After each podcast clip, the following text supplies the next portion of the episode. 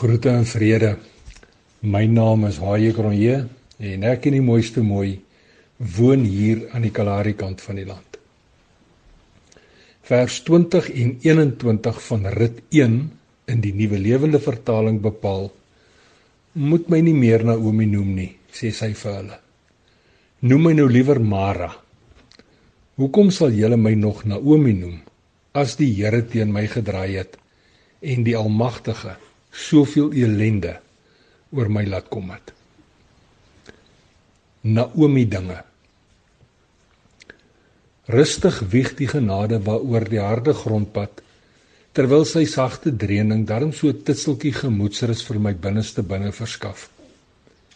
'n Binneste binne waar woorde lomp, doelloos en onsamehangend rondrentel. Woorde wat nooit sal help om die verlies van 'n kind dragliker te maak nie. Dit bly onlekker om op die bitter naspoor van die doodsengel te loop wat skielik en onverwags by 'n jong dogter kom oorstaan het. Dan vang my oog die mooiste mooi waar sy wyd oor die Kalahari vlak uitstaar. Die vroeë oggendson omvou haar met 'n sagte amperse goudkleurige glans en ek sou graag wou inluister in haar gedagtegesprek. Alles lyk verlate rondom die sinkstruktuurtjie toe die genade waar sy standing daar maak. Dis juis hier waar die doodsengel sy teenwoordigheid so onverwags en onnodig aangekondig het. Sommers so te same met die uitklim, gaan die huisie se deur oop. Met arms wyd oopgestrek, drafstap die ma op die mooiste mooi af.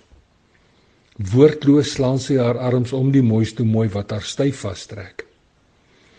Groot swaar trane blink in die vensters van hierdie gebroke ma se siel waarna trane en rou krete soos 'n rivier in vloed uit haar uitstroom. Naomi, die aangename een vol vrede en vreugde en natuurlik vergenoegdheid, moes sekerlik ook so geween het met die afsterwe van Elimelek en hulle twee seuns in Moab. Dit het ek by myself gedink. Later aan het sy mos aangedui sy wil Mara dis nou die bitter en onvergenoegde ene genoem wees. 'n Rukkie later in die mooiste mooiste groen kuikers raak nat. En sommer baie nat met die aanhoor van hierdie Mara moeder se hoekom harts vra. Ek weet nie. Ek weet regtig nie. Kom dit krakerig uit vrou Lief se mond waarna sy haar stywer vashou en toe die stilte. 'n Helende stilte want die rou werklikheid van 'n jong dogter se afsterwe hang swaar in die lug. Minute en nog minute gaan verby en steeds hou die mooiste mooi die Mara moeder met die gekneusde en vernielde hart net in stilte vas. amper soos rit van ouds haar gebroke skoonmoeder gehelp het om te aanvaar dat sy eintlik Naomi is.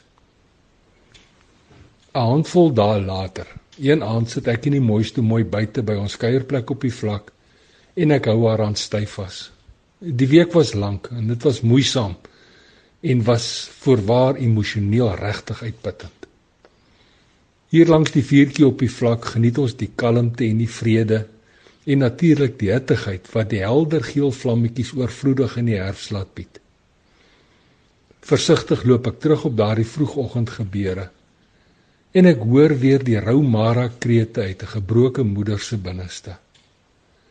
Mara krete deurdrink met woede en smart, pyn, seer, as ook mislukkings en daar waar die dood hierdie mooi en hierdie moederhart verteer. 'n Beweging in die lug kort bo kan die verste sien vang my oog. 'n verskietende ster wat 'n streepie teen die donker swart hemel ruim trek. 'n Streepie soos daardie streepie tussen twee datums op 'n graf se kopklip. 'n Streepie tussen twee pole, tussen twee uiterstes. 'n Streepie tussen begin en einde, tussen lewe en dood. En natuurlike streepie tussen Naomi en Mara. En daar langs die vuurtjie met die mooiste mooi se hand styf in myne en 'n sterstreepie teen die donker swart hemelruim besef ek dat die lewe baie meer is as net ons Mara woorde en ons Mara belewennisse. Die lewe is om die kerelkind van God te vind sodat jy met jou hand styf in syne 'n reis kan aanpak om die Naomi dinge in 'n ander Samara wêreld te kan los. Net soos wat die mooiste mooi daardie oggend by die gebroke moeder gedoen het. Nou ja toe, tot 'n volgende keer. Mooi loop en sandkorrel baie seëninge.